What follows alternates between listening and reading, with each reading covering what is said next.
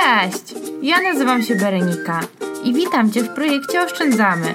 Chciałabym tutaj wraz z innymi kobietami porozmawiać o naszych finansach, o tym, jak oszczędzać, żeby skutecznie pomnażać swoje środki i zadbać o swoją finansową przyszłość.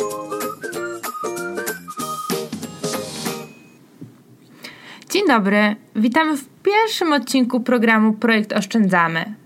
Dzisiaj porozmawiamy o tym, dlaczego warto zadbać o swoją finansową przyszłość i czy pracownicze plany kapitałowe są dobrym wyborem. Moim gościem jest Małgorzata Smołkowska, członek zarządu PFR Portal PPK. Pani Małgorzato, zacznę od takiego pytania: dlaczego warto, dlaczego trzeba zadbać o swoją finansową przyszłość już dziś? No niestety, mimo że jestem optymistką z natury, to muszę zacząć trochę pesymistycznie. Ponieważ ta przyszłość nie przedstawia nam się w najlepszych barwach. Ale jeżeli już dziś zaczniemy o tym myśleć, to możemy być pewni, że będzie ona dla nas dobra. Trendy demograficzne są bardzo niesprzyjające, a procesy demograficzne zachodzące w Polsce nie odbiegają od trendów światowych.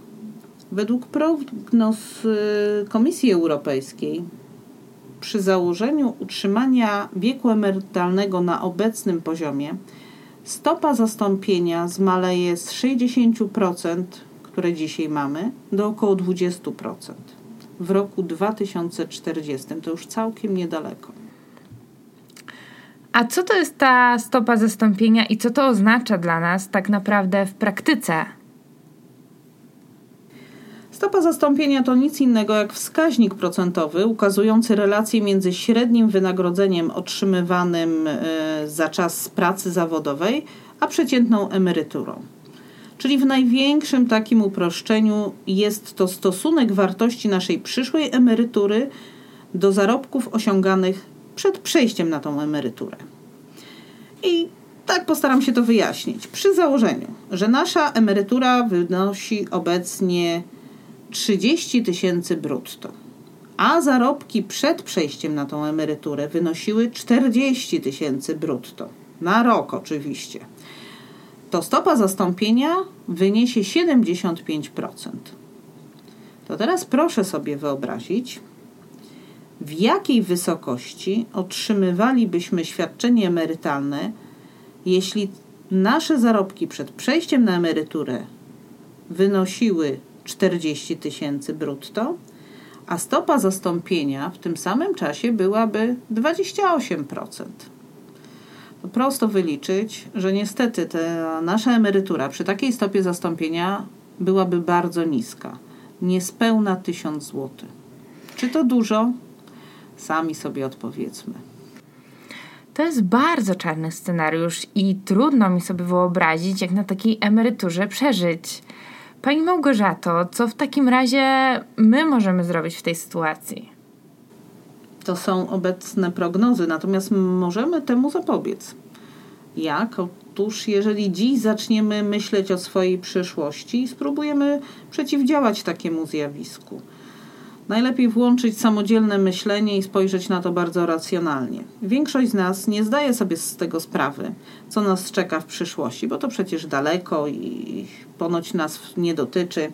Raczej koncentrujemy się na tym, co jest tu i teraz, niż myślimy o jakości swojego życia po zakończeniu aktywności zawodowej, bo to będzie przecież tak daleko w przyszłość, że nas na pewno to nie będzie dotyczyło. A jednak jednak w związku z tym, że przewidywania co do wysokości naszych przyszłych świadczeń emerytalnych są tak pesymistyczne, już dziś powinniśmy podejmować działania mające na celu finansowe zabezpieczenie naszej przyszłości. A w szczególności takie działania powinny podejmować kobiety. Czemu akurat kobiety? Czym kobiety w tym wypadku różnią się tutaj od y, mężczyzn? Spójrzmy na to od strony różnic ekonomicznych i zarobkowych, to szybko y, zobaczymy y, te różnice i dowiemy się, jakie są y, przyszłe pesymistyczne przewidywania w tym zakresie. Kobiety są bardziej niż mężczyźni narażone na ubóstwo w starszym wieku. Po pierwsze, dlatego, że kobiety żyją dłużej od mężczyzn. Cieszymy się z tego, ale niestety pod względem emerytalnym słabo to wygląda. Po drugie, kobiety otrzymują niższe świadczenia emerytalne, e, co wynika z faktu, że mają one zazwyczaj więcej przerwy zawodowej, niższe pensje, e, częściej pracują w niepełnym wymiarze, e, mają okresy nieskładkowe, bo przecież spełniają rolę matek, biorą urlopy. E, aktualnie kobiety otrzymują miesięczne emerytury, które są około 1 trzecią niższe od emerytur mężczyzn. No i prognozy. Prognozuje się, że w roku 2070 średnia długość życia będzie wynosić e, w przypadku mężczyzn 86 lat, a w przypadku kobiet aż 90, więc ten sam kapitał, który zgromadzi mężczyzna, nie dość, że jest wyższy, to będzie wypłacany w krótkim okresie, a kapitał, który zgromadzi kobieta, nie dość, że jest niższy, to będzie wypłacany w dłuższym okresie. Przedstawia Pani bardzo czarny scenariusz. Czy to dotyczy tylko Polski? Jak wygląda to w innych państwach na świecie? Polska akurat w tym przypadku nie odbiega od trendów światowych i to zdecydowanie nie dotyczy tylko Polski. Z taką sytuacją mamy do czynienia na całym świecie. Dla przykładu, w Stanach Zjednoczonych e, w 2020 roku przeprowadzono badania, z których wynika, że kobiety zarabiały około 20% mniej od mężczyzn.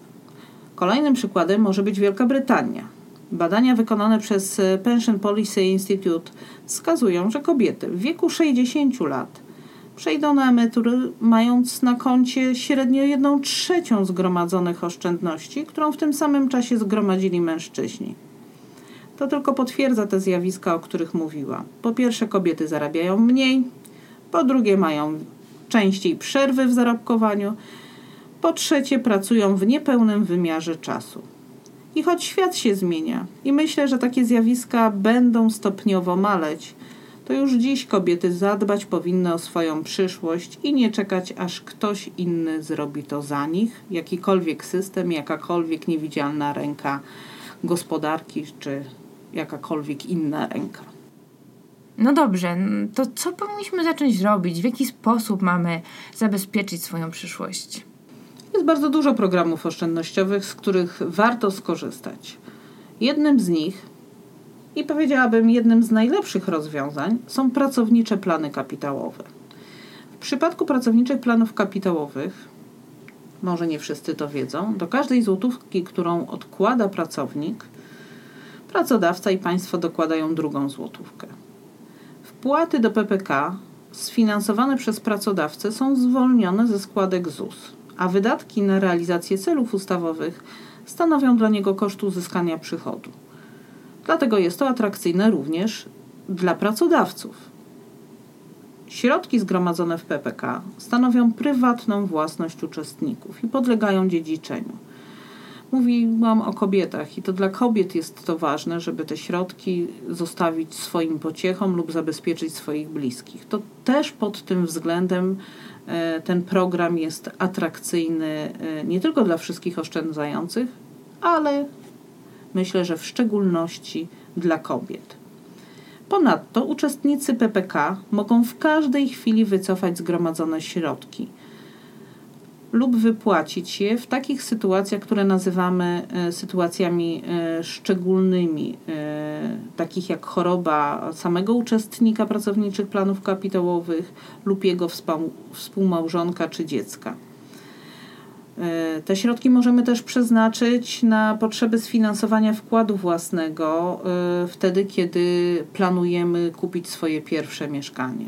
Myślę, że to są bardzo ważne informacje i jeszcze jedna rzecz, która uważam powinna być uwzględniona. Ten program jest bardzo prosty. My nie musimy robić nic, żeby zacząć oszczędzać.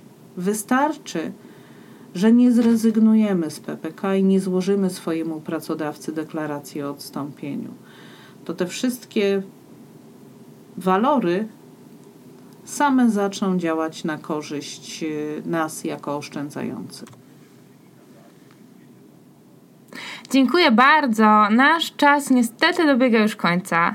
Natomiast już dzisiaj chciałabym Państwa zachęcić do oszczędzania, ponieważ, tak jak mówi Pani Małgorzata, te trendy demograficzne są bardzo niesprzyjające i już dzisiaj powinniśmy myśleć o swojej emeryturze, żeby nie mieć na starość jednego tysiąca złotych do przeżycia, za który faktycznie nie przeżyjemy. A przy okazji już teraz mogę zaprosić Państwa na następny odcinek, który będzie kontynuacją naszej dzisiejszej rozmowy. Sprawdzimy, czy to rzeczywiście jest tak, że do każdej Twojej odłożonej złotówki dostaniesz drugą i skąd w ogóle ta druga złotówka pochodzi. Moim Państwa gościem była pani Małgorzata Smołkowska, członek zarządu PFR Portal PPK. Bardzo dziękuję, do usłyszenia. Do usłyszenia, dziękuję. Włączmy własne myślenie.